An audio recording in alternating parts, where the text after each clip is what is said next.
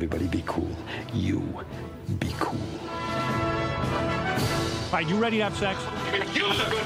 We come in peace. We come in peace. You are the motherfucking Antichrist! We're gonna let you go, okay? Ok. Film er best på radio. I'm gonna make him an offer he can't refuse. Nova Noir.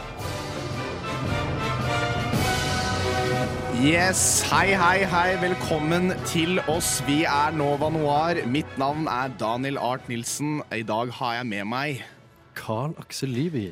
Og Karin Grette, hallo. Hei, hei, hei. I dag så skal vi selvfølgelig snakke om litt film. Eh, Vi skal snakke om et eh, veldig gøyalt filmtema i dag. Vi skal nemlig snakke om matlaging og litt kokkelering i film.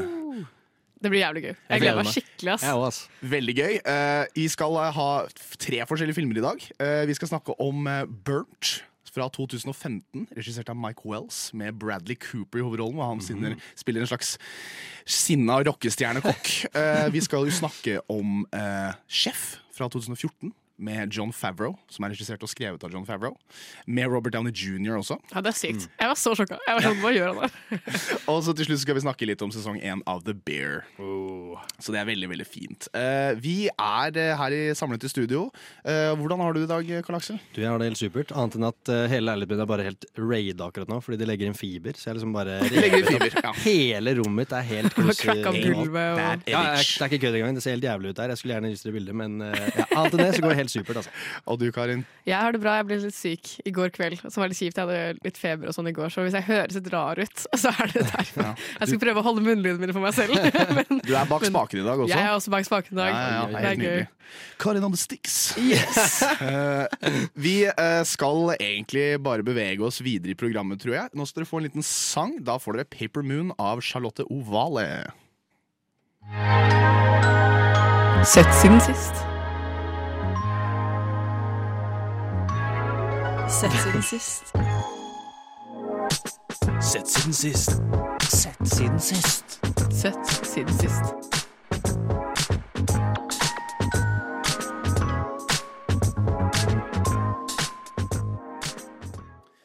Og med det så kjører vi en groovy liten eh, slide inn til sett siden sist. Eh, vi starter med deg, Karin. Hva er det du egentlig har sett siden sist? Det er det jeg altså lurer på, egentlig. Hva er det jeg har sett siden sist? La meg bare fast Ja, sjekke men min letterbox. da starter vi med deg, så Karl Aksel. Ja, det meg. kan jeg godt gjøre. Ok, Jeg har egentlig sett eh, litt lite film i det siste, men den jeg har lyst til å prate om, er en som heter Athena, som er på Netflix akkurat nå. Den Athena? ut- Athena? Ja, den kom ut i 2022, holdt jeg på å si. 2022. Herrens år. Rart sagt. Den kom ut i år. Eh, Den ligger ute på Netflix akkurat nå på streaming. Den er eh, regissert av en som heter Romain Gavras. Han har lagd masse, mm, masse musikkvideoer, blant annet. Jeg har hørt om han. Ja. Jamie XX uh, Gosh sin musikkvideo har han eh, regissert, og litt Kanye West-musikkvideoer. Hvem var det du sa det var? Romain Gavras heter han. Okay. Hvis jeg, jeg håper jeg sier det riktig. Da, men Hva handler den filmen om? Den handler om Det er tre bødre, bødre Brødre som bor i en drabantby. eh, og så dør eh, den yngste bro broren av de, og da blir det helt riot i byen, og de går imot politiet. Og denne filmen her er kanskje en av de beste åpningsscenene jeg noensinne har sett. Sånn, I hvert fall i år. Den er helt sinnssyk, men den faller veldig av på slutten. da Men eh, åpningsscenen er legit bare one take i sånn syv minutter, og de bare raider en politistasjon. Og den er eh, fantastisk. Veldig Der. god åpningsscene. Der har dere det. Mm. Romain Gravas, Gavras. Kjempesterk, kjempesterk start. Faller litt av på Ja, den gjør det. Dessverre. Eh, hva med deg, Karin? Nå har jeg funnet ut hva jeg så sist, og det var noe Daniel og jeg faktisk så sist. Uh, og det var Frankenstein Oi. fra 1931. Wow. Det er noe av det siste jeg har sett. Jeg har sett en del filmer til andre sendinger og sånn, Mm. men uh, på min egen fritid så er det det jeg har sett sist. Ja. Uh, for Daniel og jeg var på Grønland Bull Bar, eh, den nye konseptbaren eller whatever på Grønland, som er en sånn det er altfor stort. Det er liksom syv barer og arkadehall og shuff, Nei, ikke shuffleboards, men sånn bool Bool. Bowl. Der er er det Bowl Bar. eller bowl? Jeg vet ikke. Det er- det Men er- ingen spiller det, i hvert fall. Det er sikkert. Du går liksom inn døra, og så Uh, Det er boccia. tror du ja. Ja, det er à la boccia, men du tror at det er veldig lite, og så bare fortsetter det. Forever innover der. Men der er det en som jobber, som uh, satt og jobbet en søndag og hadde ingen kunder. Det var helt dødt. Og han var sånn Hadde det ikke vært litt fett å bare sette opp litt gamle filmer på en prosjektor her, og bare sette opp litt stoler og gratis, og så kan folk komme og kjøpe drikke og popkorn og whatever. Så vi var der og skulle egentlig se både Frankenstein og Nosferatu. Mm. Eh, så de sendte Frankenstein først, og fordelen med det er at Frankenstein har lyd og replikker, og det er liksom ikke svart-hvitt Ja. stumfilm med sånne der slides det er sånne der, eh, replikker skrevet inn på skjermen. Det er en vanlig film. Det var jo eh, det, Ja, det var, en, det, var en, det var en film som hadde kanskje litt mer moderne dramaturgi, Fordi da hadde film blitt et liksom vært, det hadde vært rundt i et par år. Den er jo eh, ti år eldre, nei yngre enn Nosferatu. Og Nosferatu er kjempekul. Misforstå meg. Den er kul, den. Eh, det er bare det at å sitte og se på to eh, Først Frankenstein, for å så sette på Nosferatu. Og Nosferatu er altså eh, nesten en time lenger. Ja, Ja. ikke Så den er, den er så lang, liksom. Ja. Men det var gøy. Vi spilte litt airhockey. Eh, ikke under visningen, men eh, Ja, det var faktisk veldig gøy, for de hadde sånn airhockey der. eh, og vi drev og spilte, og så kommer han og er sånn eh, nå må dere slutte å spille airhockey. Det her bråker. det- Vi hører det gjennom hele og det, og det var ikke til oss, men det var til noen andre. Og, jeg var, og vi var bare sånn fy faen, var bra vi spilte airhockey dritfast. Fordi ja, det hadde vært så kleint, liksom. Det var dritfast. Men den filmen var i hvert fall veldig kul. Jeg likte den veldig godt, og den var uh, mye bedre enn forventa. Den er jo åpenbart data. Den er fra Ja. 1931, så det er veldig sånn derre Når eh, Dr. Frankenstein sin forlovede og eh, hans lærer finner ut av hva han egentlig har drevet med i det tårnet sitt, så er det sånn Først zoomer inn på den ene, og hun er sånn wow! Og så zoomer de på den andre, og han er sånn wow! Og så zoomer de på den tredje, og så er han sånn wow! er sånn sånn, ja, jeg tar poeng, liksom. Men, Men eh, utrolig bra film. Ja. Fy faen, så kul jeg er. Jeg var veldig positivt overrasket. Eh, ja. Hva har du sett siden sist? Jeg har sett Jeg eh, så en sjukt campy skrekkfilm. eh, og jeg snakker ikke om eh, Cabinet of Curiosities. Eh, jeg snakker om Malignant Oi. av James Wan. Er den ny? Nei, Den kom ut i 2021, tror jeg. Eh, og romkameraten min viste den til meg, og han bare var sånn du, 'Har du ikke sett Malignant?' Den er så kul! Hvis du elsker sånn campy horror. Jeg er sånn, jeg liker campy horror. Elsker ikke campy horror, liksom. Eh, men fy fader, den var sjukt campy, ass!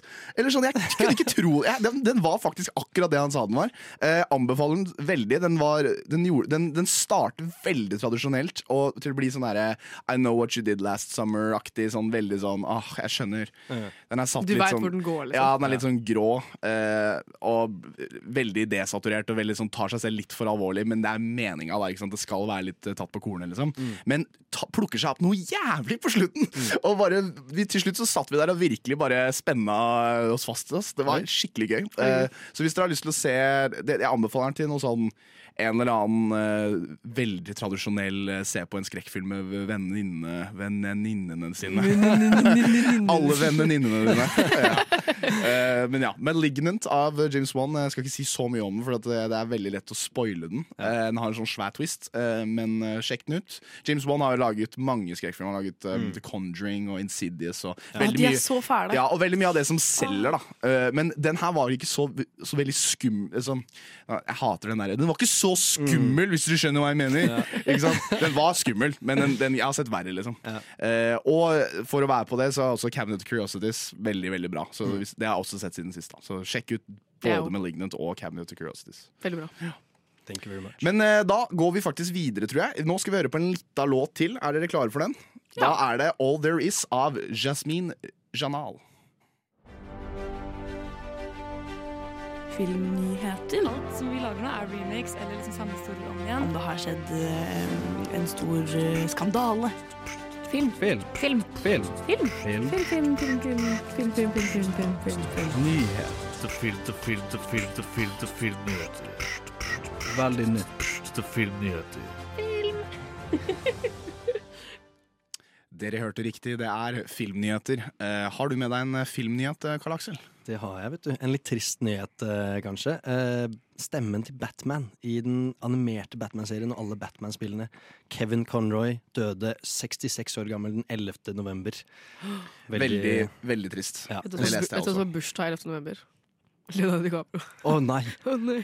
En, another eh. En, en må gå for at en annen skal få noe. Nei, det var, det var litt frekk. Eh, vi skal ære Kevin ja, vi skal ære Her var det en trist nyhet, og du bare ha-ha, lol. Ja, det var ikke det som var meningen. Jeg er veldig glad i Kevin Conroy. Eh, Jeg vokste opp med Batman-animert-serien, og um, jeg har også spilt spillene. Det hadde du også, tydeligvis, Daniel. Kjempestort forhold til eh, Kevin Conroy eh, og Mark Hamill som Joker. Oh, ja. uh, det er liksom Jeg så jo Animated Series mm. Justice League på Cartoon Network. Eh, skrudde av norsk dub fordi jeg var, likte det ikke, liksom. uh, og eh, der var jo Kevin Conroy. Og kjøpte Jeg har fortsatt originale kopien min av Arkham Asylum fra 2009. Som jeg kjøpte på Tveitasenteret på GameStop. Eh, til 599. Til Fy faen, det var PlayStation, dyrt. PlayStation 2. For sin tid så var det dyrt. Nå koster spill sånn Jesus. 800 kroner. Det er, det er fortsatt det er dritdyrt, men uh, Kevin Conroy var stemmen der, og fytti rakkeren. Og var, jeg, jeg ble faktisk ganske lei meg da jeg hørte det. ass. Ja, det var litt sånn sjokkerende ut. Han er jo ganske ung. Altså 66 år gammel er jo ikke så Ja, det er gammel. ganske ungt, faktisk. Det er det. Men eh, ja, nå må vi bare beskytte Mark Hamill. Vi kan ikke la noe skje med han. Ja, hvis Mark Hamill, så tror jeg ikke folk kommer til å tenke Stemme til Nei, Joker er det, folkens! Det, er du, det er du helt rett i. Det, Det blir sånn landesorg, ass. Luke Skywalker er Ja, det er um, Det er landesorg, meget- Det blir, det blir veldig trist. tror jeg. Carrie Fisher òg tok Det var skikkelig eh, trist. Ja, den tok meg på senga, egentlig. Den var veldig For da var det jo både moren hennes dagen før, Var det det? og så hun dagen Oh etterpå. Oh så hun døde dagen etter moren sin. Wow. Billy Lord uh, hadde litt av, litt av en Litt av et døgn, Ja. kan jeg tenke meg. Uh, nei, uh, hva, ja, hva er det jeg eh, Jo, eh, Jon Carew. Jon Carew er jo skuespiller i eh, Han har tydeligvis blitt det. Jeg skal bare nevne Jon Carew litt. Grann. Uh, Jon Carew eh, har jo vært med i Olsenbanden. Mm. uh, og han er også med i masse uh, Come On-reklame. Benson. Eh, nei, Come On heter det. det. er Ikke Betson. Er Har du bytta navn, eller? Nei, Come On. Det er det det heter. Come on, come on. Vi, ikke, det er ikke noe Come On-reklame, dette her. Eh, nei, men uh, Jon Carew uh, ble i dag dømt til uh, ett år og to måneders ubetinget fengsel for altså. grovt skattesvik. Uh, så eh, jeg tror han bare må ringe Egon Olsen, fordi han blir Baila han ut. av fengsel. Eh, jeg, slapp av, det er Benny sin tur nå. Uh, ja, ellers ja. det, eh, det var bare Jeg har ikke så veldig mye mer å si om Jon Carew enn det, eh, men han har i hvert fall blitt dømt i fengsel. For han spilte Benny i uh, Olsenmannen, eller? Ja. ja ok. Så det er ikke Hvis han hadde vært Egon, så hadde ting kanskje gått litt annerledes. litt i etterkant. Men, Men bare slapp av, fordi eh, han, eh, Anders Basmo Christiansen har en plan, sikkert. Ikke sant? Ja. helt sikkert. Eh, eh, nei, det, var, det er eh, egentlig min nyhet. Eh, annet enn det så tror jeg vi skal bare bevege oss videre. Nå skal vi høre en liten låt til. Det er da World Inside Me av Marbles.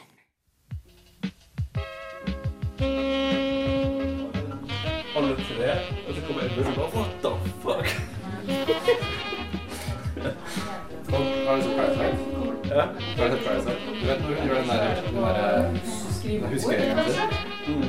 shit, shit. Uh, Nova Noir.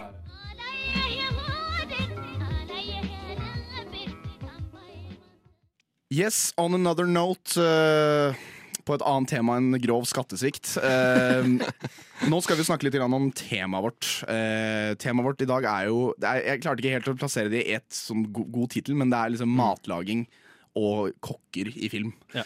Eh, så hvordan kanskje matlaging og kokkeindustrien liksom eh, vises på film, da. Eh, og hvordan det ofte liksom, hvilke visuelle virkemidler det brukes, som brukes, hvordan det er skrevet, atmosfæren og viben. Eh, så i den, med den forstand så tenkte jeg jo Og faren min er jo også kokk. Eh, det er liksom litt også derfor jeg har vært inspirert av det. Fordi i lenge har jeg, har jeg også prøvd å liksom finne en slags krysning mellom mat og film. Det er veldig interessant, uh, syns jeg. Eh, Å prøve å liksom finne et sted hvor de to kan coexist. da Eh, Uten at det også, Det er jo en utrolig stor industri med det der dokumentaraspektet i mat. Vi er jo så vant til å se matlaging på TV hele tida. Jamie Oliver. ja, ja, du har dine Jamie Olivers, dine Gordon Ramsays, dine, dine Guy Fieris, ikke sant? Å, Eh, faen, legenden, ass. ikke sant? Og, og, men, men når du skal inn med det fiksjonelle aspektet, og du skal prøve å lage en, en handling som du bryr deg om, liksom, Ja. eh, det, da er det plutselig helt andre regler. Fordi da begynner du å tenke sånn, hvordan er det man skal portraye denne her sjangeren. Eh, hva tenker du, Karin? Noe jeg har eh, merket av de filmene vi har sett, og en del andre matlagersfilmer, er jo at det er veldig lett å gå i fella og lage den samme filmen. Ja. Syv ganger etter hverandre. For det er jo, eh, det er jo begrensa hvor mye du kan eh, fiksjonalisere et kokkekjøkken. Det er jo eh, standard oppskrift i alle kjøkken i hele verden, liksom. Ja. Og det er veldig vanskelig da å gjøre det spennende og nyskapende hver gang. Um, sånn som Vi skal jo snakke om eh, blant annet eh, Burnt og Chef. Jeg føler at eh, den dynamikken de har mellom hverandre, er identisk i liksom, begge filmene. Det er en head chef som er litt sur og aldri får vilja si, og så er det en eller annen sur sjef som er sånn 'Å, men du er så flink matlager, og jeg håper at det her ordner seg for deg.' Og så er det liksom det. Det er det hver gang. Ja. Men på samme tid så syns jeg ikke det blir kjedelig, for det er som det jeg forventer også. Hadde det ikke vært det, så hadde jeg blitt litt skuffa. Hvis det gir mening. Ja. Hva var den generelle vibe eh, av disse filmene sånn sammen, da, når du liksom så dem liksom bundled together? Eh, Karl Aksel? Uh, altså, det er jo mye menn på kjøkken. Ja, Eh, mye menn på kjøkken. Det er det. Det er det. Det er veldig mye av det. Uh, men nei, det var veldig forfriskende å egentlig se sånn forskjellige typer matlagingsfilmer. Altså, jeg syns det er mye likheter uh, blant de òg, men sånn for eksempel The Bear da, føler jeg på en måte tar eh, hva skal jeg si, litt sånn alternativt uh, steg til det. Viser litt sånn mer konflikter innad eh, i kjøkkenet. Jeg Ja. syns Burnt var kanskje litt mer sånn eh, svak uh, Det var en sånn der. dokumentarfilm om Ja. et kjøkken og Ja. en eller annen idiot kokkesjef, liksom. Vi skal, jeg, jeg føler vi skal roaste Burnt litt mer eh, etterpå. Ja, masse å si om ja. ja, jeg har, vi har, jeg har veldig mye å si om disse tingene, egentlig. Det er, det er også gøy å se hvordan de var De er veldig forskjellige, Ja. men, så, men samtidig kunne de nesten vært i samme univers. Det er nesten sånn derre uh, kokke-cinematic universe eh, på disse filmene. Uh, ja. Eh, nei, det er også det med ehm, fargebruken. Det er alltid sånn overdreven metning på alle Ja, filmene, ja. og det er så jævlig sterkt. Man blir nesten helt sånn blenda sånn Å, herregud! Øh, Ja. Maten er så fargerik! Å, hva faen? Og så må man liksom bare leve med det, for du vet at mat ser ikke så fargerik ut i virkeligheten. Det er også veldig gøy med tanke på å se at eh, Jeg, jeg syns f.eks. i The, The Bear da, eh, den, den strekker seg lenger ut, så der får du jo et mer nyansert blikk på disse karakterene. Den er jo også bedre på å diversify litt. Mm. Mens på de to andre filmene vi skal snakke om, så er det, har du mye mer informasjon du skal pakke inn på mye kortere tid. Da. Uh, og det, det, det vet jeg ikke conveyer så bra i en, for en sjanger som skal handle om dette. her. Mm. Fordi det er et sånt kokkeyrket og matlagingsindustrien på det høyeste nivået. Det har jo blitt litt sånn fetisj, fetisj Ja. uh, hva heter? Fetisjert. Fetisjert uh, de siste, i hvert fall de siste fem-seks årene, siden liksom Ja. TV virkelig sånn streaming og tok av. Da. Eh, så føler jeg at det, det er sånn der, et sånt der landskap som folk har lyst til å peile seg så sykt inn på. Det er bare sånn der, Vi må inn i det nitty-gritty av liksom, eh, det ødelagte psyken til kokker, liksom. Ja. Men egentlig så er det jo faktisk en veldig vanlig arbeidsplass, og man må prøve å liksom Det er kanskje det den, den gjør litt. Da. Den, den sliter litt med å grounde det noen ganger, disse filmene, kanskje. Ja. Ja, Den går jævlig hardt inn på liksom grinden til disse kokkene. Når Ja. de, liksom, de skal prøve å Altså I Burns er det sånn at han skal få sin tredje Michelin-stjerne, og så er det liksom John Favreau Jeg husker ikke hva karakteren hans heter. Men, Carl eh, Casper. Carl Carl Casper det, ja. Eh, Episk Eller vi kan, også kalle han, vi kan også kalle han Happy, kanskje. Ja, Eh, happy er han definitivt òg. han spilte, Det, det syns jeg var litt gøy. Han spilte den akkurat samme karakteren som personlighetsmessig som han gjør i Iron Man. Og det gjorde også Tony Stark. ja, det var samme. Helt samme fyren. Helt identisk. Da er- kaller han jo ikke Robert Downer jr. lenger. Liksom. Nei. Han bare er sånn, Å, Tony Stark. Ja, ja.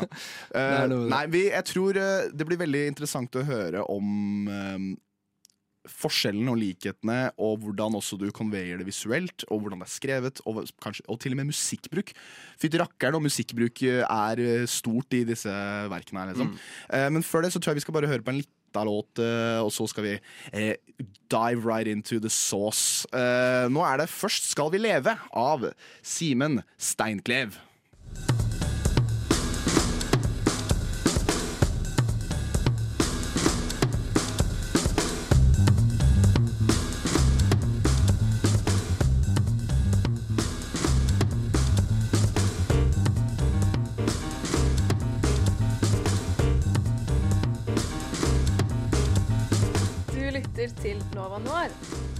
onsdag 10 til 12, eller på podkast når du vil.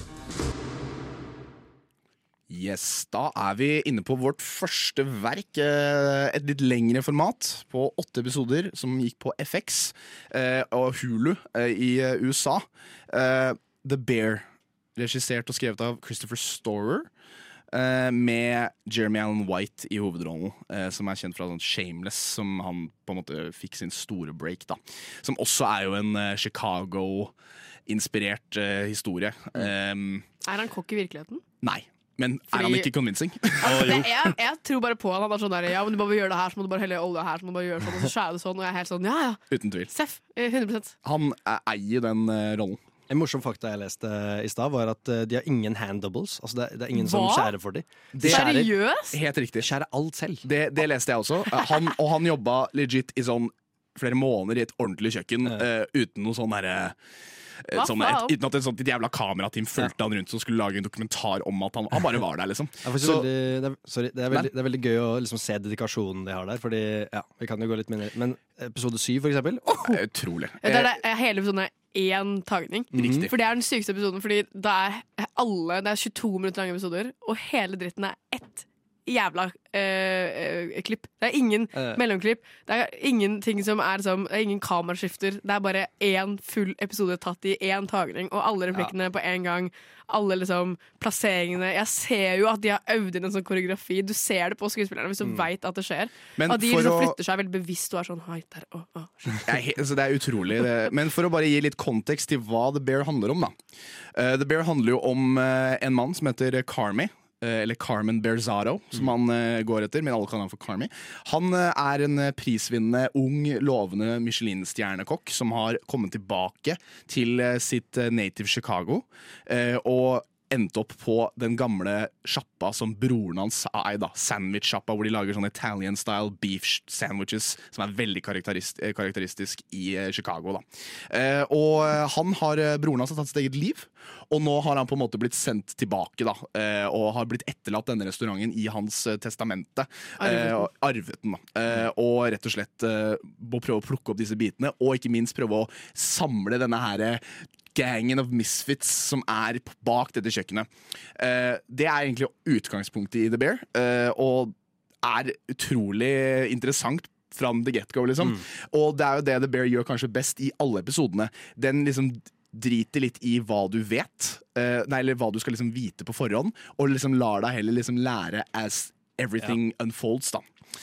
Og det syns jeg var utrolig godt gjort. Sånn, første episode starter jo bare straight off med masse hektiske uh, prep-scener, og du lærer liksom veldig mange intriger bare i denne her hektiske dialogen deres. Mm. Det fikk du sikkert med deg, Karl Aksel. Ja, eh, altså, det det syns jeg er en veldig kul Altså I motsetning til Burnt, uh, så er det en veldig kul Nå må, nå må du ikke gå for lenge når vi skal snakke om Burnt snart. ja. Jeg skal ikke gå inn i det. Men uh, altså, det som er veldig kult, er at kanskje når man ikke er så veldig god på kokkelering og sånn selv, så lærer du jo liksom med karakterene som utvikler seg. For de, er jo, altså, de har jo fått litt mis... Eller litt feillæring da, opp gjennom tidene.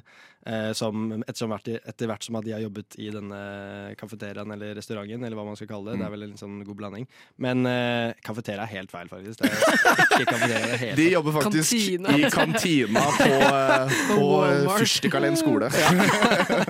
Ja, men, nei, men du, du, de lærer i hvert fall litt mer sånn hvordan man skal jobbe i restaurant, og alle disse hands og behind og Ja. corner. Og, ja, det er veldig gøy sånn sett, da. System.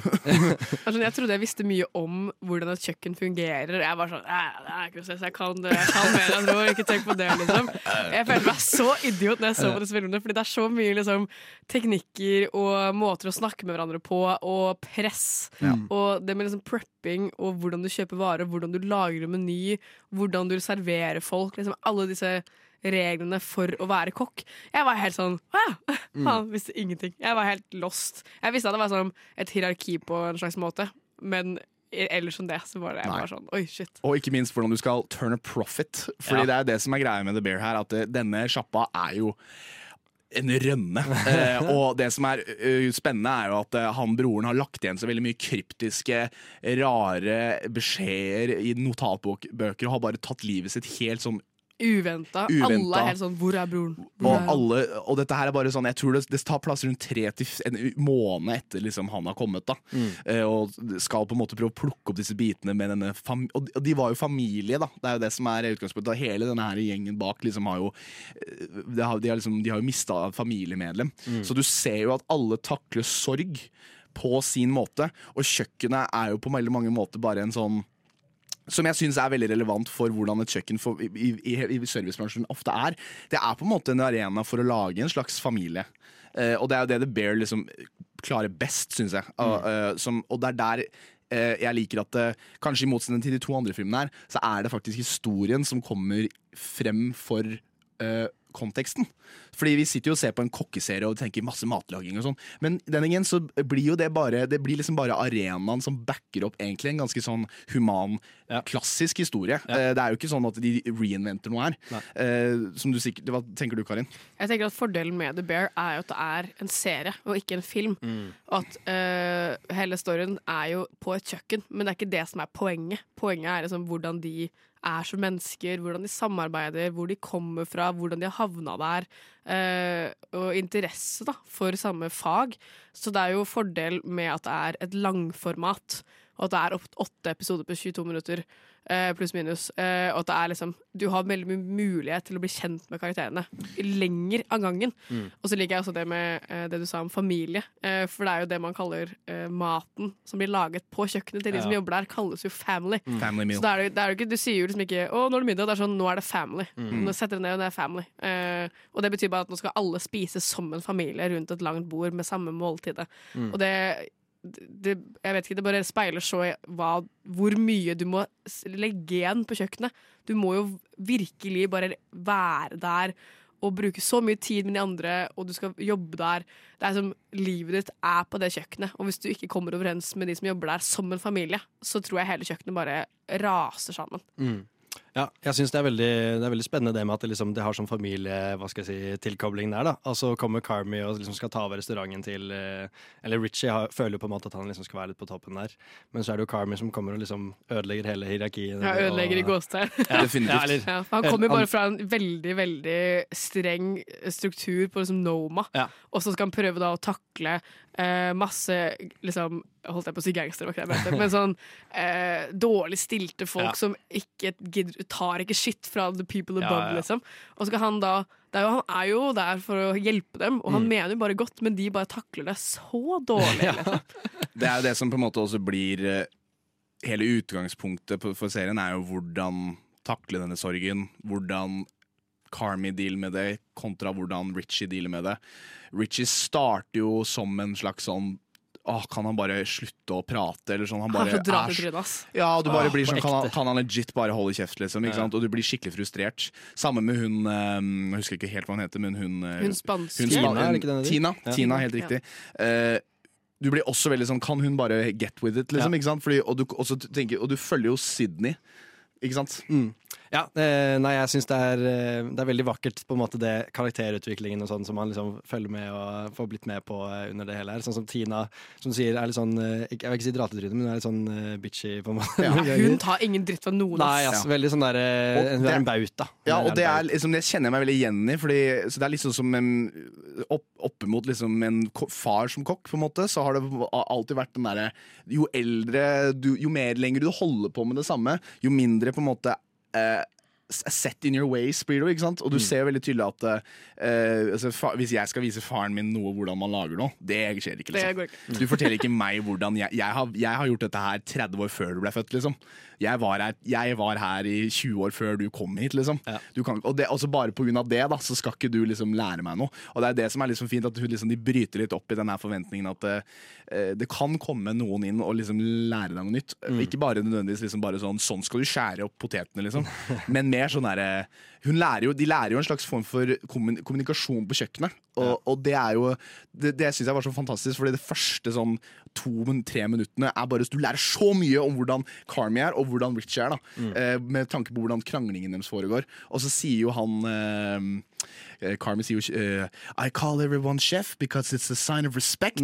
Sant? Og da blir det bare sånn Fy faen, ass, Carmi, det er bra greier! Ja, ja. Se hverandre i øya når dere prater. Svar når dere blir snakka til, liksom. Du blir sånn, ja. Det jeg tror uh, greia med Tina er at hun bare er livredd for forandring. For det virker som hun har kommet fra en veldig turbulent fortid. Mm. Uh, og det virker som hun har Hun har sånn slitt seg fram til den jobben hun har. Og hun skal faen ikke slippe den jobben nå, ass.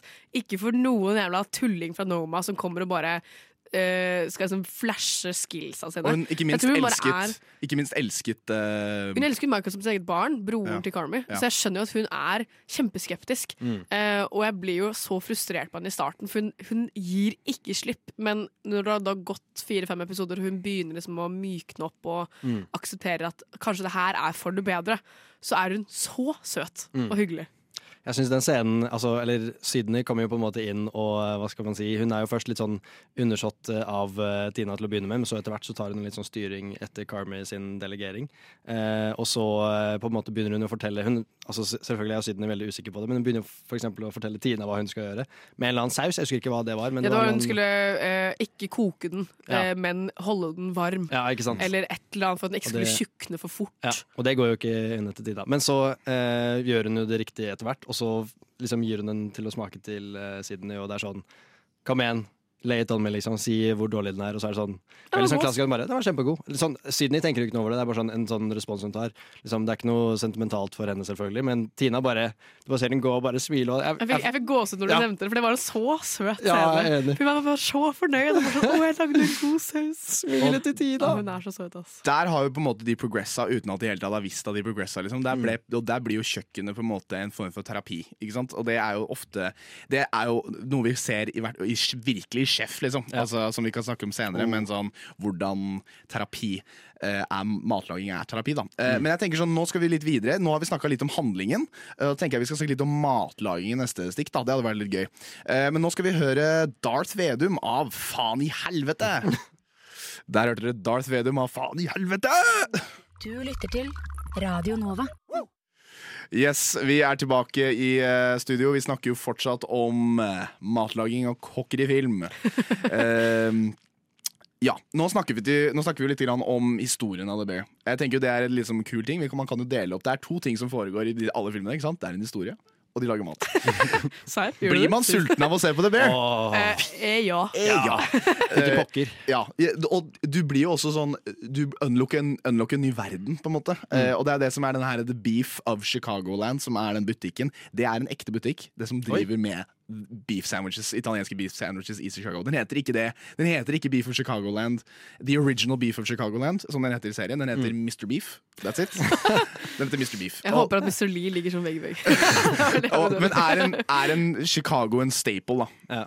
Eh, det er jo eh, Og det er jo jeg er i hvert fall veldig interessert i sånne matkulturer som spenner seg over stater i USA. Det er veldig mye karakteristiske matkulturer og mattradisjoner eh, som spenner seg, og alt kommer jo fra eh, work, liksom working classen. Blue collar Blue collar working class som skal ha mat, og det kommer all, veldig ofte fra et behov for å ha tilgjengelig, god, hearty, næringsrik, eh, liksom ikke nødvendigvis sunn, men eh, Kaloririk. kaloririk mettende mat. Og det er jo det liksom Chicagoland-beefen er. da Den er reliable, den er vært er staple, og det er jo liksom Du blir sulten av å se på den her, ass. Det er jo, jeg tror det første som skjer når Carmy kommer inn i eh, restauranten eh, For han har jo kommet fra da veldig Altså, For det som vet, Noma er jo verdens mest eksklusive, restaurant. Det er sånn umulig å komme inn der. Det er den sykeste maten. Det er, sånn bare, det er toppen av kokkeverden, liksom. Og så blir han da dumpa ned fra Noma til liksom en sånn gatekjøkken, basically, Mm, ja. i Chicago. Og han tenker jo OK, men jeg kan jo bruke muligheten til å lage noen ordentlige Chicago beef sandwiches. Og de er sånn nei, nei, du skal lage spagetti bolognese. og han klikker Eh. og blir så sur. Bare, hvordan våger du å si til meg at vi skal lage spagetti bolognese? Vi er i Chicago, eller så Ja, ja. tuller du med meg? Vi skal jo lage beef sandwiches, og de lager jo det fra Også. før, men det er ikke det de ville satse på. Nei. Og så ser du bare Carby står der og bare banner med sånn boksåpner og prøver å lage liksom, spagetti bolognese, og bare fy faen, det her suger. Det må være veldig trist å gå Men når Noma. Men når, ja, ikke sant? Men når jeg først da eh, lager en beef sandwich på trass Mm. og serverer det til de andre, og de er bare sånn stønner og helt sånn orgasmiske i ansiktet, for det er bare så godt, så innser jo de at faen, han fyren der kan jo mye mer enn det vi tror. Ja, ja. Og Richie er sånn faen, ass. Det her var jævlig digg. Kanskje er- vi bare skal stole på han.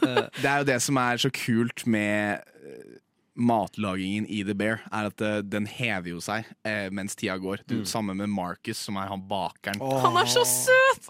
Mar Marcus er jo bare Han blir, han blir jo obsessed av um, av eh, donuts og kaker. Sant? Og fermentering og gjær Og det er så gøy, fordi han får den der, han, han, har jo den der, han skaffer den der The Book of Fermentation, den Noma-guiden. Og uh, en kompis av meg har den boka, Oi. og jeg, jeg bare er husker det. Og jeg er liksom, jeg syns fermentering er kult, og sånn, ja, altså. men det var bare aldri min sånn go. Det var, det sånn, folk blir enten obsessed av det, eller Ja. så bare er det liksom, liksom Det er ikke ikke helt hjertesak. Det er ikke- Nei, det er ikke men sånn du- fy fader, han bare hadde 70 jars, eh, så ut som liksom, med huet, liksom. Bare forskjellige ting, da. Han begynte faktisk å overnatte på restauranten bare for å følge med på fermenteringen Ja. og jobbe så mye som mulig. Og han kompisen kommer og sier Så sånn du vet? Ja, ja. Han kompisen kommer og sier sånn Du vet at jeg kan hjelpe deg hvis du trenger et sted å bo. Liksom. Og jeg bare sånn Nei, nei, jeg bare sover her fordi jeg må passe på donuten.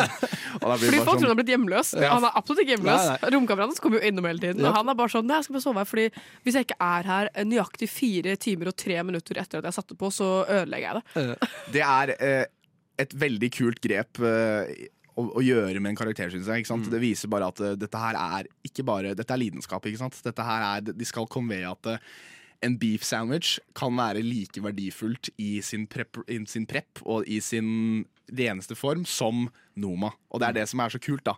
Er at uh, her ser vi Vi har sett veldig mange lag med matlaging. og mange nivåer av matlaging. Du ser jo det i Chef også, som vi skal nevne senere, men eh, det er jo et nivå han tar på en måte ned i standard. Mm. Eh, Samme med Carmi. Eh, han starter Du ser jo også faktisk en, en scene fra denne Michelin-restauranten hvor kjøkkensjefen er er. Jeff, Jeff fra Community, uh. som er så gøy. at han bare har den lille scenen der, liksom, og bare driver sånn You're fucking little bitch. Og er bare helt jævlig mot ham. Og så kutter de sånn straight til at han pakker inn en sandwich sånn greasy eh, wrapping paper, liksom. Og du blir bare sånn det, er, det har ikke noe å si liksom, eh, hva du driver med. Det er bare Hvis du gjør det bra, Det er lidenskapen. så er det, det er lidenskap, det er driven, liksom. Mm. Og, det, og det tror jeg det nailer det. Og, det er en sånn scene hvor de driver og viser sånn du vet det, tar, det tok 17 timer prep å lage den lille retten der, liksom. Det er tre forskjellige metoder av plomme i den, liksom. Og du blir bare sånn å, fy faen, det hørtes ikke det, det høres veldig spennende ut, men det er ikke det Det trenger ikke nødvendigvis være det som er eh, Michelin-grad. Og det er veldig spennende at de driver og helt tatt leker med den dualiteten. da Noe som også er veldig viktig å få fram eh, når det kommer til matlaging, er jo hvor mye rengjøring og hygiene som følger med i tillegg. For det er jo en scene i episode to der eh, Carmy eh, bare er sånn OK, alle drar hjem, jeg gidder ikke å ha dere her, fuck dere, stikk. Og han bare deep-cleaner hele restauranten aleine med sånn jævla tannbørste på gulvet og Mm. skrubber vekk sånne svarte flekker. Og så eh, får de besøk av, eh, av Mattilsynet dagen etterpå.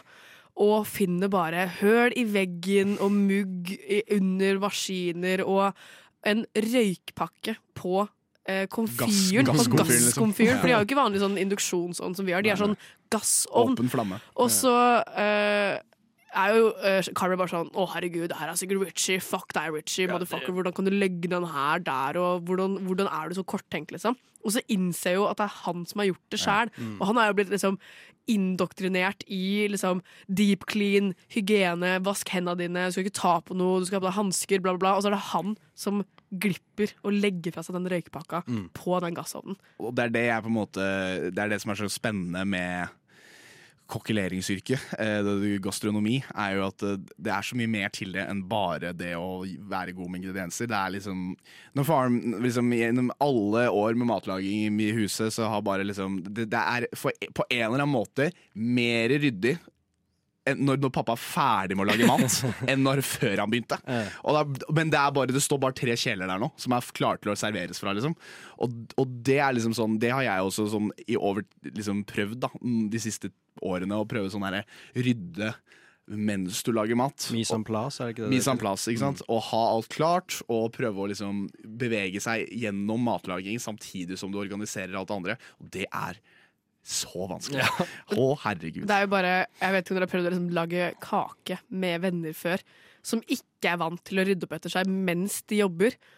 Og så sitter du der og sånn Jeg bare tar den kjelen her og jeg tar den bolla her, og du må liksom følge etter dem som en sånn derre mamma og rydde opp etter dem.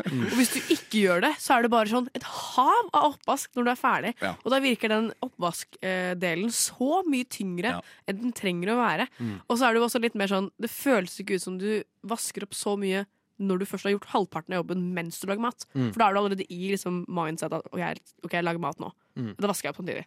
Og så er det ikke så stress, liksom. Men la oss snakke litt om eh, bildspråket i denne serien her, da. Eh, eller eh, altså det visuelle virkemidlet. Den er jo på en måte det å, det å fange matlaging på film kan jo være veldig lite interessant, hvis du Mm. tenker på det.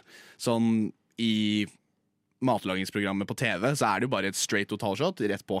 Men en ting som jeg catcha veldig fort, var i åpningsscenen i The Bear.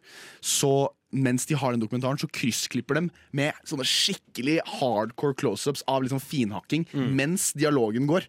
Og det var veldig spennende å, å se hvordan det på en måte kryssklippes. Og det er på en måte sånn du, du, du switcher mellom fokuset hans og fokuset på maten. Fokus hans, fokus mat, fokus hans, fokus mat. Og det, sånn fungerer det egentlig gjennom hele serien. da Uh, Hva tenker du? Ja, nei, jeg syns det er veldig sånn safty type uh, klipping. Veldig safety. sånn. Det er veldig sånn, Jeg blir sliten av å se. Ja. Og høy realisme, da. Ja, det er veldig sant. Det, er jo, altså, det gjør jo mye med intensiteten, og det trenger man jo.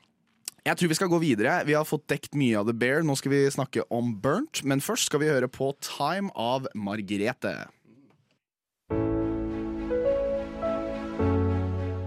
My mama always said, Nova Noir was like a box of chocolates. You never know what you're gonna get. Yes, Vi går videre i programmet og snakker om uh, finely diced uh, mise en place og julienne og broth og Bracchioli. Michelin. Ja, eh, Michelin og alt det der. Eh, nå skal vi snakke om Burnt, eh, som er Hva kan man si, ja? Imagine Dragons av kort kokkefilmene. Det er noen høydepunkter, men veldig få. Ja.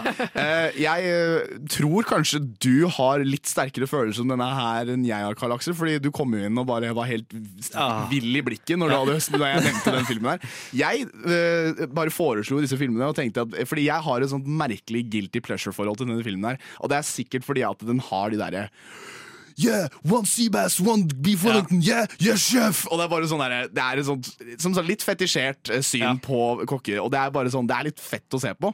Men eh, den, eh, for å bare sette det opp, da. eh, Burnt handler jo om eh, Adam Jones, eh, for å finne et mer basic navn i verden, liksom. Adam Jones.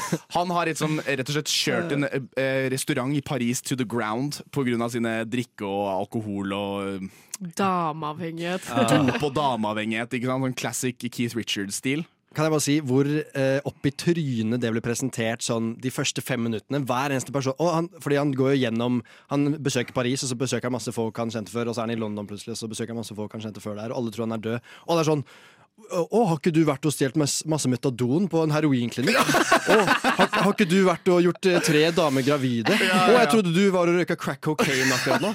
Og så er det sånn, det går bare fram og tilbake på at han er sånn Han selv er veldig sånn Ja, sorry, jeg, jeg var litt opptatt med å injisere meg selv. Eller eh, jeg, jeg røyka for mye crack cocaine.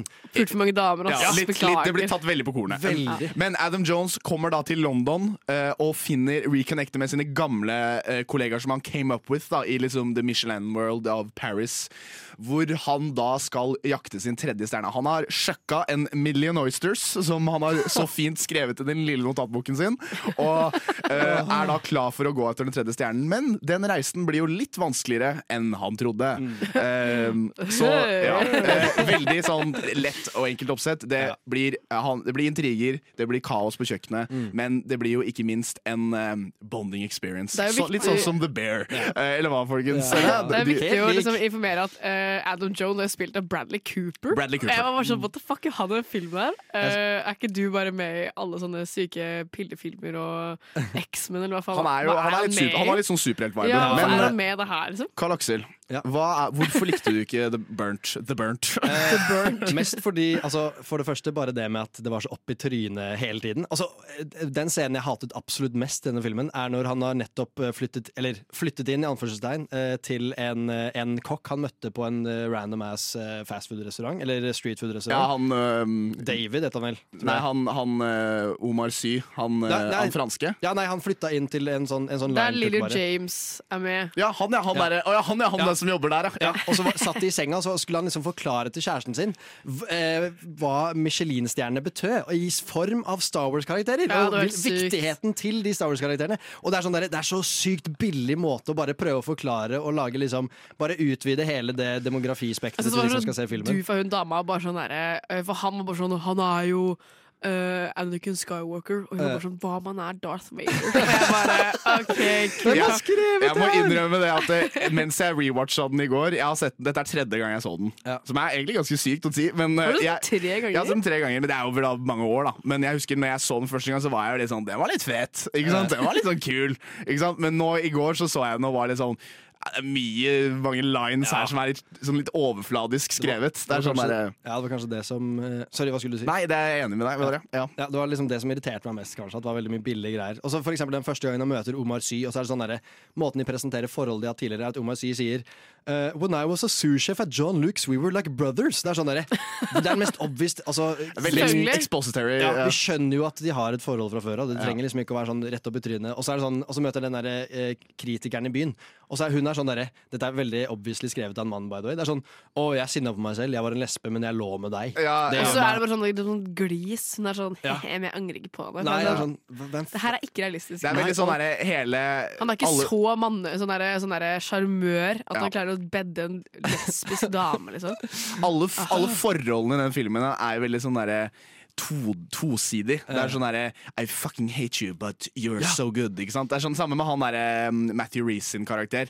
Som er eh, han derre som jobber på det laboratoriekjøkkenet som han Mm. driver og som lager mat i kondomer fordi at de bruker suvide og sånn. Ikke sant? Ja. Og, ja. Det jeg ikke at det er et poeng i hele filmen. Det er, sånn, det er som at eh, Nå husker jeg ikke hva ja, det var et helt plot point at Ja. vi fikk suvid. Ja, men legit! altså, altså, at det er i det, i det hele tatt Det er som at han som har regissert filmen, jeg husker ikke hva han heter eh, Mike Wells, tror ja, han heter. Eller, noe. takk, men at han liksom eller John Wells. Jeg husker ikke. ja, det kan godt- ja, Men uansett, han har et stort hat til uh, sous vide-poser eller noe. Og så senere i filmen, Bradley Cooper, aka Adam Jones, han prøver å drepe Ja, seg selv med en det! Hva faen Han er det sånn for noe? og en kondom, og så er det en suvidpose, og så trekker han den over hodet og prøver å kvele Ja. seg sjæl inni en suvidpose. Og så, det, skal liksom, jeg, jeg liker også liksom at de Eller jeg liker det ikke i det hele tatt, jeg vet ikke hvorfor jeg liker det, men de, de setter liksom opp at han liksom skal være sober, og at han eh, før var veldig rusavhengig osv. Men så er det liksom det store poenget med at han blir drita for første gang, liksom, og at han uh, kommer og fucker opp og alt mulig, og uh, drar hjem til han uh, motstanderen sin, eller antagonisten, eh, en antagonisten, da, ikke, ikke Husker ikke hva noen heter. i Jeg den husker filmen. heller ingenting- altså, ikke noe det- jeg- jeg Jeg skulle til å spørre hva syns dere om hun eh, Og så jeg glemt hva Alicia Vikander, kanskje? Nei, hun, ikke henne, men hun, Nei. hun det blonde døde, altså, hun hun, hun, hun kokken eh, som begynner å jobbe hos han. Hun som Ja. eh, eh, Ja, Helen. Helen Ja, stemmer det, stemmer det. Hun, eh, hva syns vi om henne? Er, blir hun eh, portrettert bra i denne filmen? der Altså, hun har jo ingen eh, selvrealisering eller noe. Altså, hun har et barn. Eh, hun har nettopp mistet jobben pga. Adam Jones. Det var vel han som fikk hun sparket. Og For så å- for å- til han. Ja, men da, hun, Han fikk jo hun sparket for at han skulle ta over jobben hennes. Ja. Og det som er så sykt, er at gamle sjefen hennes bare ble med på det. Ja. Hvem hadde sagt ja Altså, til han det? sier bare sånn Go, you're, getting, you're gonna be late. Og så Og sånn er sånn, 20 «Dere- du, Dere snakket gir- ikke med meg om dette i det hele tatt! Og så sånn 20 minutter etterpå så bare begynner du å kline og alt mulig. Og det er, eh, ja.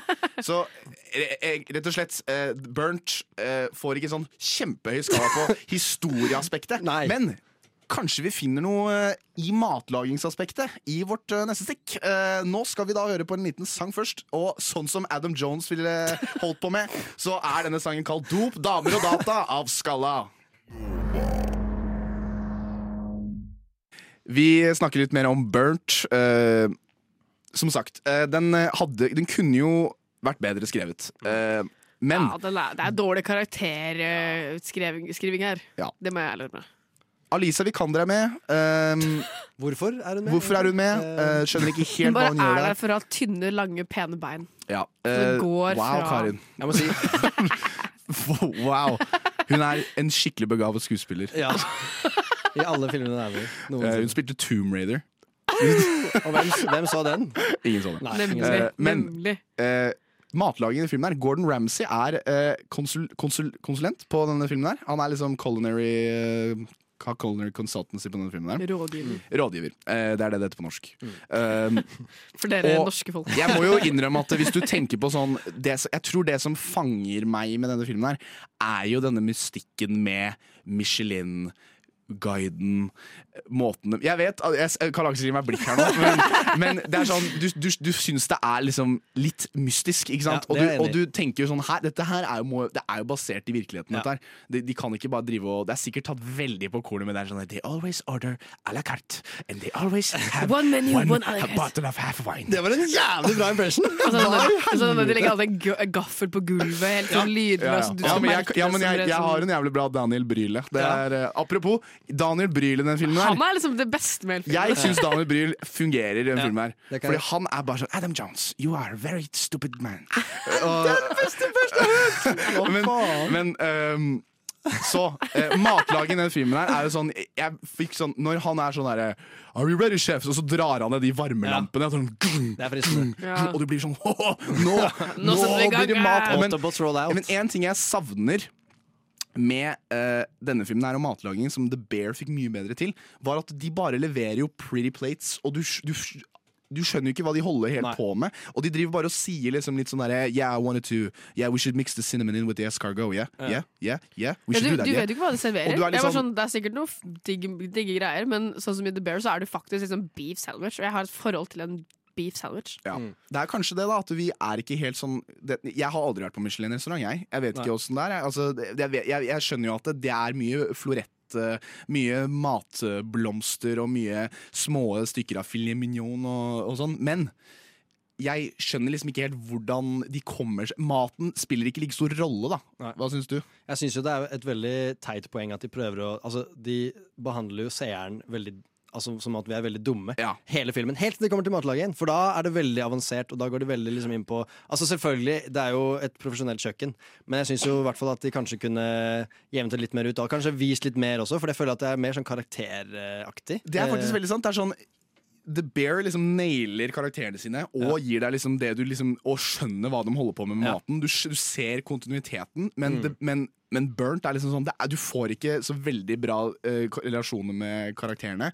Også når, når først maten blir begynt å bli lagd, så er det bare veldig mye sånne eh, abstrakte matscener hvor du bare leverer ut masse fine tallerkener, og du skal liksom bli litt sånn derre Du skal egentlig bare bli litt sånn struck by it, føler jeg. Jeg tror for- liksom, Ulempen med eh, Burnt i forhold til The Bear er langformat versus kortformat. Ja, det er For du har 1 time og 47 minutter på deg til Ja. å prøve å få en relasjon til de som er på skjermen. Mens i The Bear så har du åtte episoder. Det liksom. er litt har- urettferdig, og det er Du har jo sant. fem timer eller sånt Fem-seks timer til å bli kjent med de i The Bear, og 1 time og 40 i Burnt. Og da blir jo alle karakterene litt sånn uh, grunne. Mm. Jeg er enig i det. Jeg synes også liksom at han Adam Jones-karakteren er jo veldig sånn Han skal liksom være veldig begivet og ha denne lidenskapen og være sånn tormented av lidenskapen sin og grinden sin og alt det der. Men vi ser jo veldig lite av liksom faktisk lidenskapen han putter inn i maten. Det virker som at han bare liksom er jævla sinna hele tida. Og ikke har noe særlig sånn derre Det virker som at han er glad i å lage mat. Sånn Han har mye tid på matmarked og sånn, liksom. Men det er jo ja, Det er det samme det, når han går og er drita og prøver å ta livet sitt, og han, øh, fienden hans sier at 'du er den beste av oss alle'. Jeg Ja. tror ikke på det! Ja, jeg tror ikke ja. på det hele tatt. Du- du og han sånn- er bare sånn 'hæ, hva mener du, Er jeg den beste'? og jeg er sånn 'nei, det er du faen ikke'. Han andre fyren av fienden din har lagt ned så mye tid og energi til å få den mest strøkne restauranten. Han har fått tre Michelin-stjerner. Han har kjøkkenet sitt på stell. Han Mm. klarer å servere den maten han vil, og han, øh, han bruker moderne hjelpemidler som eh, hvem som helst andre hadde gjort. Men det at han da sier at ja, du Adam Jones, du er bedre enn meg Jeg tror ikke på det Nei. i et sekund, ass! Nei, det er, det er, jeg må innrømme at uh, Adam Jones, uh, eller Bradley Cooper, da, ser ut som han har liksom gjort en veldig bra kokkeimpression. Hvis det gir mening. Den Mm. der, han, han er veldig flink til å etterligne en kokk. Mm. Mens uh, Carmy føler man liksom Jeg tror Siden han ikke liksom lener seg så mye på den derre fransk, eh, kulinarisk, eh, klassisk trent eh, stekepannekokken, liksom, Mm. så føles det litt mer naturlig ut, da. Men jeg tror av eh, Sånn alt i alt så er det mye interessante kokkescener. Mm. Eh, det kunne blitt mye mer in depth, føler jeg. Mm. Men alt i alt så er, kunne The, Bur The Burnt gjort det litt, litt bedre. Eh, nå tror jeg vi skal bevege oss til neste og siste film. Nå skal vi først høre en sang, 'Tomme lommer' av Silje Sol.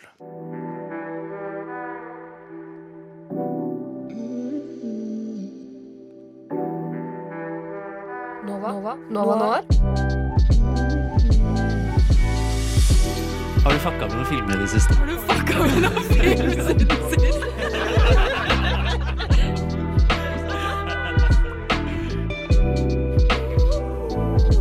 Jeg liker Nova Noir. jeg.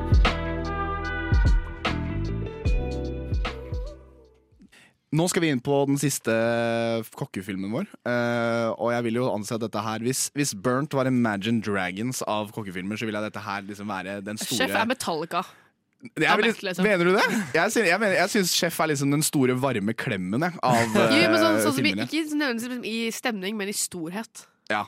Alle Jeg vil også har, liksom, det er dem, en av de beste kokkefilmene, vil jeg tro. Ja, det er Altså, også kanskje samme, samme tråden som Imagine Dragons, av Taylor Swift. da Jeg vil si det er liksom okay, ja. eh, salsalanseren av eh, alle kokkefilmer. Det er jo en utrolig liten uh, Frekk liten film, vil jeg, vil jeg, om jeg tør påstå. Uh, Nei, altså Chef er jo da regissert og skrevet av John Farrow. Hvordan han på en måte har liksom kommet på og liksom, Han, han regisserte jo uh, liksom Wedding Nei, han skrev Wedding Crashers. Nei. øhm, Swingers, tror jeg. Uh, Swingers! Ikke fått med meg. Nei, altså han, har, fall, han, han starta jo liksom med å skrive litt manus og sånn. Og så har han liksom Han starta med skuespill, og så har han liksom sakte, men sikkert jobba seg inn og skrive manus. Og så fikk han til slutt liksom en virkelig stor gig å han regissere Iron Man.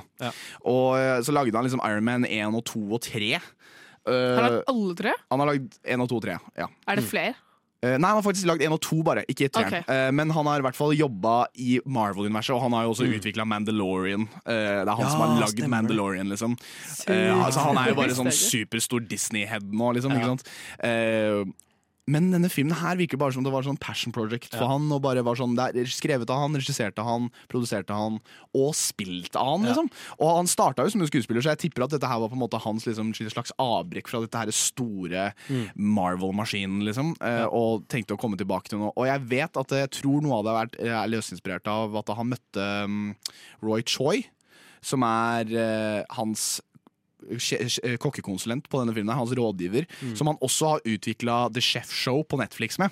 Så denne filmen har jo faktisk spørra et, et eget kokkeprogram på Netflix for, på grunn av denne filmen. Fordi han, de, de ble så gode venner og inspirerte til, la, til at han skulle bli kjempe, mye bedre på å lage mat. Altså, Ja. Det følger liksom av reisen. Et utrolig bra kokkeprogram, forresten. Kjempebra. En av de beste jeg har sett.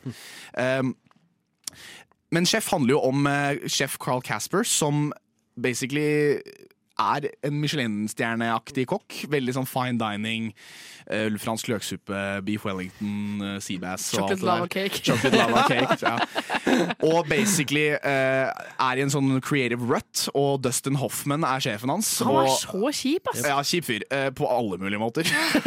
Eh, både i virkeligheten og filmen. Er han det? Ja, han er fæl fyr. La oss ikke Eh, uansett, men eh, uansett, han eh, går inn De, de eh, er veldig uenige og ender med at han rett og slett får en slags meltdown, hvor en sånn kritiker rett og slett kommer og ødelegger uh, ryktet hans. Og han, og han apart. går, som sier, eh, ungdommen sier, han går viral! Uh, og på, på Twitter og Vine. Oh, my days. På og det, Vine! det er så veldig Og rett og slett da må reinvente seg selv og følger Sofia Vergara sin ekskones råd og lage en food truck. eh, og mekke en food truck og basically begynne å selge liksom, klassiske cubanos, da, som er en sånn veldig god sånn pork Det er ikke roasta bare at han går tilbake til liksom sin egen kreativitet. Han går tilbake finner og finner seg seg selv, selv. og ikke minst bonder med sin sønn, som han liksom er en divorced dad. Veldig typical divorced dad-forhold med. da Ja. Jeg må si at eh, denne filmen der minner meg veldig om Adam Sandler-flikk noen ganger. Uh, bare fordi John Favreau har regissert, og han er i hovedrollen. Ja. Og samtidig så er ekskona hans Sofia Vergara. Og han har sex med Scarlett Scarlett Johansson. Johansson. Han er, er-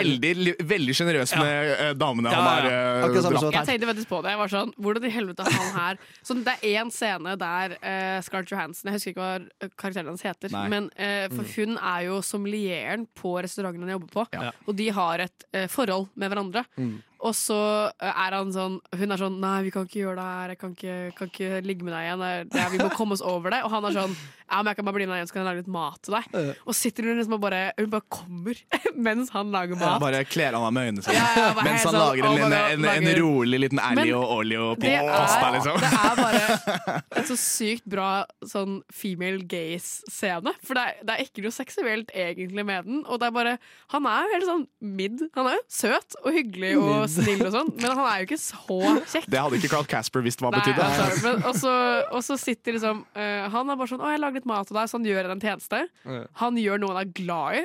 Og så er han så søt etterpå. Mm. Så Det er bare sånn Det er det eneste du trenger. Du trenger Også- ikke være så digg. Liksom. Du må også- bare være glad i noe. Og etter scenen er ferdig, så er han i gutsa til Scarlett Johansson. Så det er jo Og bare, bare goes to town on Scarjo, liksom. Men eh, som sagt, eh, mest av alt så handler jo i bunn og grunn denne filmen her om forholdet han har til sønnen sin, eh, som er eh, en veldig snill liten gutt som prøver bare å komme bedre i kontakt med sønnen sin. Bond- Veldig sånn bare bonde med faren sin. ja, veldig sånn heartwarming scener veldig mange ganger, og, og han er veldig bare obs observant da. Eh, Nei, han, eh, hva heter det absolutt, jeg si? Eh, Han er slukt opp av sin sin kokkeverden, ikke sant? Eh, Oppslukt, altså. Oppslukt. Sorry, Sorry folkens. Det, engel, engelsk er mitt førstespråk. språk Ja Eh, Jævla eh, American. ja, eh, men eh, som alt i alt så vil jeg jo si at denne historien her på en måte fungerer ganske bra. Ja, jeg syns det er believable. Ja. Annet enn at uh, halvparten av filmen er bare John Farrow som prøver å finne ut av hvordan Twitter fungerer. Fordi han er en ekte boomer. Det er det jeg, nevnte det litt, jeg har nevnt det litt uh, før nei, jeg så det filmen, men eh, det virker jo som at det bare han, eh, John Favreau bare Den kom ut i 2014, og du bare vet at John Favreau legit ikke visste hva Twitter var før sånn 2014. liksom Fordi wow, han kan ingenting, liksom. Og det er bare sånn Jeg vil si at det er en halvtimes eh, ja, sammenlagt med scener hvor han bare er sånn And then you just press at, and then you just press uh, tweet, and now it's out forever! Jeg bare hater den derre lille fuglen. Ja. Som bare flyr, og, så, Ja. og så kommer det en sånn Twitter-fugl flyvende. Og de synes det er så sånn effekt, kult! liksom. Ja. Men uh, jeg vil si at uh, Chef alt i alt nailer sånn feel good-viben av å lage mat. For at det, det er liksom sånn han finner matgleden sånn midt i filmen, vil jeg si. Igjen. Uh, og som vi skal gå litt inn på hvordan maten er portrettert i den filmen her nå straks. Men sånn den er jo Den, den har en expiration date, den uh, filmen her òg, vil jeg si. Den er Den- data. Ja, litt Det er som en sånn 2000s romcom. Den er bra og Litt- søt og litt heartwarming, men den er bare litt sånn Ja, mm. men den igjen Trenger en kokkefilm å være noe mer enn det? Kanskje ikke. ikke sant? Den, kanskje den, den trenger ikke å liksom handle om suicid, su- su- suicidale tanker og Jeg trodde du eh, skulle si sursjef. og så nei, men sånn, sånn Den trenger ikke å liksom være om mental Alt trenger ikke å handle om at det liksom, alt er et jævla Et helvetes høl, og alt går til Sånn som i The Bear, hvor alt føles veldig håpløst ut. Det føles aldri sånn helt håpløst ut. Det er, så, han blir liksom, det er så morsomt fordi han blir liksom ruinert. Han blir nesten sånn litt småcancelled på Twitter, liksom. Og alt er bare sånn derre Ja ja, jeg får bare finne på noe annet å gjøre, da. ikke sant? Mens i dag, så bare, hvis det hadde skjedd i dag, så er det sånn Wow, du har fått 21 000 følgere på én dag! Og det er bare sånn, bro Det er jo Det er ikke så mye That was a rookie number, son. ikke sant? Eh, men ja. Eh, jeg tror vi eh, går litt videre. eh, snakker litt mer om historien i neste stikk. Men da skal dere få en Morning Coffee av Kristoffer Eikrem og Beautiful Disco Zay. Radio Nova. Sjef, eh, matlaging i Sjef. Den Altså, hvordan eh, Blir vi sulta av å se Sjef, folkens? ja. Jeg kunne tenkt det cubano, ass. Jeg, jeg tror jeg, si- jeg må si med at av alle eh, de scenene med matlaging i disse filmene og serien episodene, Mm. Sjef gjør det best. Jeg holdt på å si noe skikkelig upassende, men så blir du sulten. og så jeg sånn, altså Sofie Vigard er med, liksom, så Føler den, føler. Damn. Altså, s- I'd eat her up. Ok, men uansett Men eh, jeg synes, den scenen hvor han lager pastia alio e olje Alio e olio eh, Sorry eh, Du sa altså pastille. Jeg trodde du gikk på en sånn liten fransk pastille. Litt Litt grann slag her, men det får gå fint Men eh, det er en YouTube-kanal som heter Binging with Babish Jeg elsker. Binging ja, with Babish. Faen, han er så god Men han har jo, vært, han har jo lagd den retten og jeg, jeg, Sammen med John Favreau. Ikke, Ja, det stemmer han, men han, er med, han har vært med. Det stemmer det, for faen det, Da lagde de sjokoladekaken. Ja, de lagde, oh my god Sjokoladecake? Sammen med John Favreau. Jeg vet forresten i stad at du sa meltdown Og så snakker vi om sjokolade lava Som ikke var melta inn i Men Binge with Babish er også med i den Chefshow. Den Er der det? matlagingsprogrammet på Netflix. Wow. Jeg kan ikke anbefale Chefshow mer, men ja. Eh, Fortsett. eh, Men i hvert fall så har jeg, jeg har lagd det i etterkant òg. Det er dritdigg. Altså. Det er så jævla lett. Det er så lett. Er det ikke bare olje, hvitløk, persille og pasta? Og litt sitron og chiliflakes. Oh, wow. Ja. Det er jo en veldig sånn minimalistisk pasta, eh, og, men altså, er det én ting den, den filmen her gjør så bra, er jo å kutte musikk sammen med ja. mat. er så Sånn når den derre den derre dun, du, du, dun, dun, dun, dun. Og du blir bare sånn åh! Den har faktisk veldig bra soundtrack. Ja, Det sånn var- det så mye sånn rytmeinstrumenter. Ja. sånn Plutselig litt Wu-Tang inni der òg. Ja, Ja. Kjører hjem fra Miami og sånn. Utrolig. eh, Og sexual healing. Ja, ja, stemmer det. Og, og altså, utrolig mye godt. Og han, det som er så kult, er at du, du hører eh, den scenen hvor Dustin Hoffman sier sånn derre eh, I, should, I think you should play your hits tonight. Ikke sant? Og, er sånn der, og så sier han sånn We're gonna have uh, filet mignon, French onion soup, Sånn chocolate lava cake. Egg, egg og kaviar, liksom. Eggs and caviar. Ja, var og sånn- bare sånn, du, du, du hører at det ikke er liksom Og det er morsomt, fordi til og med alt, alt det høres liksom litt desaturert ut. Mm. Og så kommer de derre carne asada og kommer bare de mest crazy platanos og Mm. tostades og fy faen. Jeg bare hater den sammenligninga mellom sånn Hadde du dratt på Rolling Stones-konsert og vært fornøyd om du ikke spurte Satisfaction? ja. Og så er Nei, sånn- du hadde brent ned hele stedet! Det hadde gått helt fint, liksom. Og problemet er at uh, Dustin Hoffman, som eier den restauranten, bare vet ikke helt hva han driver med. Med. Han bruker det derre 'jeg er sjefen, så hør på meg'-kortet. Selv om han, er han ansatte jo uh, Carl Casper på det premisset at Carl Casper er sjefen på kjøkkenet. Så han skal få bestemme menyen, han skal bestemme Ja. hvem som jobber der, han skal bestemme hierarkiet. Det er han som er sjef. Og når han da har muligheten til å få skikkelig gode reviews så ble han bare rævkjørt av sjefen sin. Han er sånn 'Du må servere det du alltid har gjort, for det funker. Folk kommer hit for å spise den samme maten de spiste i ti år.' Ti år å lage samme maten! Det er så lenge! Det er som å spille samme settet på konsert. I Hele karrieren din, liksom. Nei, altså Det er jo akkurat samme når Gordon Ramsay drar til forskjellige restauranter. og sånn, Så er det alltid en eller annen kjøkken Altså Han er ikke kjøkkensjef engang. Han er sikkert bare sånn fyr som eier restauranten, som alltid skal liksom Nei, jeg skal ha menyen min, vi skal ha eh, beef tartar. Og så er det bare Funker sånn alltid. ja. Og så selvfølgelig så blir den alltid grilla, og det er alltid det som skjer. Så det er jo aldri en god formel å følge. da så, Det, det var faktisk eh, en ting som Adam Jones sa, som jeg må være litt enig i i Burnt. Han sa jo at uh, eh, det er jo uh, Grunnen til at Burger King er dårlig, er ikke fordi at de serverer drittmat, det er fordi at de er for consistent. Ja, det, er, det er samme Og- maten hele tiden. Ja, det er samme maten hele tida. De leverer den samme pakken hele tida. Men de har blitt litt bedre på det, da. Ja, ja, nå har de jo litt Baconator! nå har de jo litt de, Du tror de endrer på det, men de endrer egentlig ikke det. Det er det som er greia. da, Altså, men, men uh, De ligger på én ingrediens til. men når denne, også den her Cubano-scenen hvor John Leguizamo, som han heter han, eh, Jeg husker ikke hva han heter i filmen akkurat nå. Men, han eh, sursjefen? Ja, han sursjefen. Ja. Han som er alltid liten spirivipp. Alle adjektiv. koser seg så mye, liksom. Eh, han liksom står og masserer denne pork shoulderen, og, bare, Ja. og det bare er sånn masse fin cubansk musikk, og de bare koser seg. Han er sånn Ei, mira, mira! Papi chulo, papi chula! Eso, eso! Ja, ja, han står der og spinner ut imaginary plater, og da blir det bare sånn Dette er Og jeg skal innrømme, jeg har lagd mat til Chef-soundtracket flere ganger jeg kan telle. Men det, det er jo det som er liksom hele premisset med filmen. Det er jo bare sånn jævla good vibes. Du bare sitter der. Det, er sånn, det er noen konflikter her og der, men de er, sånn, de er jo ikke svære. Mat er gøy. Ja, det er, det, mat skal være gøy. Det skal ikke være boring og Ja. repeterende og det samme hele tiden. Det er jo derfor du går og prøver nye restauranter. Ja. Det, er, det er noen som går i samme spor og er sånn 'Å, jeg vil ha sushi fordi jeg veit hva jeg får, og det er digg uansett'. Men så er det jo andre som er sånn 'Jeg vil ikke spise det samme tre dager på rad fordi Mm. det er for kjedelig'. Og det backer jeg. Og jeg liker også det at det, det er jo litt det barrier òg, da. eh, som jeg liker, som den kobles litt sammen med her. syns jeg er at de, de prøver ikke å gjøre sånn at det, det er på fine dining du burde spise god mat. Mm. Ikke sant? Nei.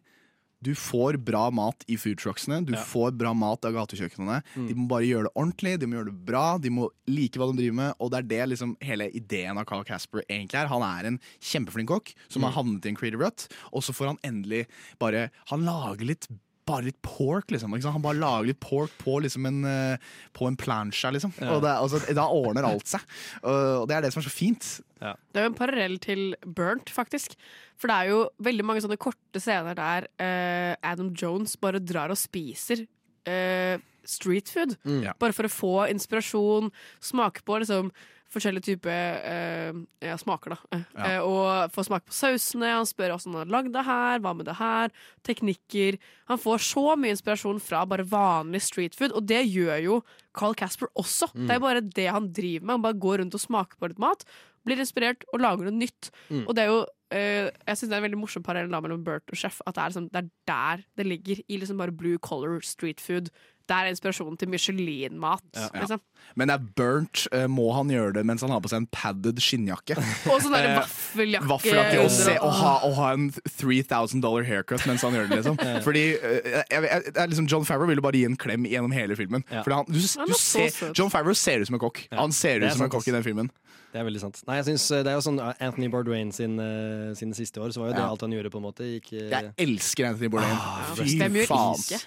Fy faen, jeg er veldig glad i. Og det er, altså. sånn, og det, er sånn, det er en sånn klipp av Anthony Bourdain hvor han er på Waffle House Mm. i Waffle USA. House. Som er liksom en 24 timers døgnåpen kjede i USA som bare serverer liksom eggs uh, over easy med bacon og hash Er det ikke bare og- der alt det syke skjer? Enten Jo. IHOP eller Waffle House? Jo, jo, så IHOP er jeg Waffle House er liksom, ja, ja, men det, det er fordi at det, er, fordi at det er de er oppe hele natta, så folk kommer jo inn og ut. Det er helt sånn. Men han er sånn Han elsket Waffle House, og, og han elsket In and Out Burger. Og, han elsket liksom, og det er fordi at Anthony Bourdain han recognizer hva som funker og hva som ikke funker. Ikke sant? Han recognizer liksom Og det føler jeg liksom Chef er Og det, det beste også i Chef er jo at de besøker Aaron Franklin, som er ekte pitmaster. Som han, er, han Ja! finnes, han Ja, men han er dritfett. Og de sitter og spiser på Aaron, Franklin sitt barbecue Ja. i Austin, Texas, som fins. Det er liksom Uh-huh. masse fine tidbits av liksom sånne sånn øh, ekte matglade folk, da. Ja. Som, som, og, de, og hele ideen av en food truck, liksom, folkens, det er Jeg liker å lage mat, og jeg kjører videre og lager mat til folket, liksom. Mm. Så jeg vil si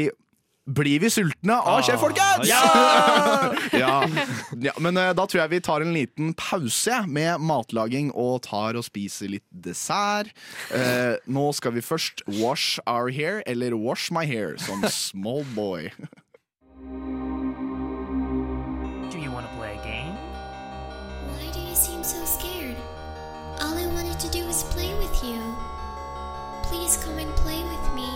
Let's play a game! All right. Jeg tar nå over for Daniel i et lite øyeblikk, fordi det er jeg som er ansvarlig for denne leken vi skal ha i dag. Eh, vi har jo hatt eh, leker tidligere som handler om eh, antonymfilmtitler, som det er sånn sånn Uh, Istedenfor Little Women så er det Big Men, og så kan du klare å liksom, oversette det til en annen tittel som er antonym. Da. Uh, mm -hmm. Så vi går i litt samme gate, men vi skal da, uh, jeg skal få dere to til å gjette veldig dårlige norske oversettelser på engelske filmtitler. Så jeg har funnet Dette blir en- Jeg gleder meg så, jeg tror det her blir hilarious. Eh, Herregud. jeg har funnet en del her, både på Jeg har jo ikke eh, nesten klart å snakke norsk i sendinga i dag. Jeg, jeg bare, Bare prater bare prater sånn dårlig oversatt eh, engelsk. Det her er også veldig gøy for dere lyttere som hører på. Det er bare å være med og prøve å gjette. Eh, så vi begynner med eh, Vil dere skal si filmåret filmen kom ut, så dere har litt peiling på Litt peiling, ja. Det er fint. Det her er en film fra 1984, okay. og på norsk så heter den 'Hjelp, vi er i popbransjen'. Spinal Tap. Ja! Yes! og det var sånn, jeg sa det nå rett før vi kom på lufta, at uh, det er alltid sånn 'hjelp, insert tittel'. Og så er det først Er Hjelp er i popbransjen Spinal Tap? Ja. Oh my god. Jeg, det kan hende at jeg har litt sånn, jeg har litt sånn god hukommelse med årstall. Ja, så Noen kan ganger så kan jeg se et årstall og gjette en film basert på det noen ganger. Men jeg, jeg, jeg, jeg tror ikke det blir like rett. Da. Men Spinal Tap. Nå har vi en fra 1977. Ok. Eh, Den heter 'Lørdagskjøret'. Hæ? Lørdagskjøret! Er det Saturday Night Fever? Ja! Nei! Altså jævlig. kalle det er sånn at man drita på en lørdag. Nå er det bare faen, jeg kan ikke tro at det er et Den, den gir litt mening, da. Ja, det gjør det. teit. Um, og så har vi en film fra 1979. Patruljebil 6Z4 svarer ikke. Prikk, prikk, prikk. Patruljebil 6Z4 svarer ikke. 1979. Yes. Oi! Det er Det er ikke- ikke Police Academy. Nei, det er ikke i nærheten av det dere tror. Er det Lethal Weapon? Nei. Er det Ro... Nei, Robocop er ikke 1979. At, 1979 Å, det er vanskelig. Uh, Jeg har ingen anelse, er det, si det er ikke French Connection. Nei. Nei. Det er The Onion Field. Å, Som har sett. ingenting med patruljebil. Men det er helt sykt å kalle det en film, det. svarer ikke. Det må jo være en sånn uh, politifilm. Ja, det er det. Field Um, har jeg ikke husk ene og ikke har hørt om, altså. Og så er det en fra Ja. 1987. Eh, 'Døden på larveføtter'. Fy fader, disse titlene! Døden på larveføtter. Larve eller Larveføtter. larveføtter? Døden på larveføtter. Favorittfilmen til Alve Halden. også. Eh, 1987, Døden på larveføtter. Er det, Det eh, er det, er det Starship Troopers? Har du et gjett, Karl Aksel? Uh, nei, faktisk ikke. er, er det Dødelig våpen? Ja, ja Det er The Misfit Brigade. Den har jeg heller ikke hørt Men det er ingenting med Nei, det er veldig, veldig, veldig rart. Her har vi en jævlig morsom en. Det er fra 1986. Eh, Skapulf. Skapulf! Er det Teen Wolf? Nei. 1986. Ja, men Teen Wolf kom i 1983. så- Gjorde det? Ja. Er det bare werewolf, liksom? Nei, nei, nei. Skapulv? Å, dette her er sikkert litt fucka. Det er Monsters in the Closet. Å, fy til helvete. Hvorfor Den ikke bare skapmonstre? Fordi Her- Skapulf er sikkert noe som det er, Du vet at dette, det høres ut som det er Norge på 80-tallet. Det er jo Ja, det er bare en sånn skikkelig skapulv, faen! Ja, det er- Å, det er fælt. Det Men høres ikke bra ut. Den her må dere få til. Kom i 1999, vår herrens eh, mest perfekte år. Eh, 1999, Ja. Spionen som spermet meg. Uh, den The Naked, naked Gun? The, Nei! Austin Powers! Uh, Hvilken av det? The Spy Who Shagged Me. Ja! åh, Spionen spermet meg. Det var ekkelt. Det Det er så nasty for no reason. Jeg, jeg gikk rett på James Bond. Det gjorde du òg. Spermet meg! Sa det du sa? The man with the golden gun? Ja. det? Nei. Er. Her er altså en jævlig shit Nei, jeg sa Naked Gun oh, ja, naked, med ja. Leslie Nielsen. Det er en 1993-film. Eh, saken er biff. Saken er biff. Dere kan få en liten blurb om hva det handler om. Ja. Å oversette en tittel som refererer til drap med øks til noe som inneholder ordet biff, blir bare feil. Saken er Biff 1993. Eh, det er jo en uh, slasher-aktig greie, da. Eh, 1993 Det er jeg dårlig, ass. Nei, jeg vet ikke, ass. Det er So I Married an Axe Murderer.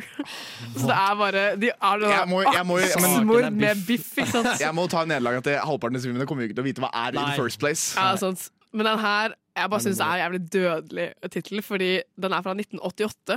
Eh, og den heter Hvem tenner hvem? Men da gåstegn på tenner. For det har noe med tenner å gjøre. Hvem tenner hvem? Hvem er Ja. det som teether hvem, liksom? Ja, men altså sånn Hvem tenner deg? Å, Som- det må jo ja. være noe uh, Det er Teen Wolf. Ja, det hørtes ut som sånn eller, eller vampyr. Det er noe med vampyr å gjøre. Er det uh, Interview with a Vampire? Nei. Den heter Den vel sikkert bare senere. Intervju med vampyr, da. Er det med Eddie Murphy? Nei. Det er med Fordi han Nicolas er Cage. Hvis det hjelper.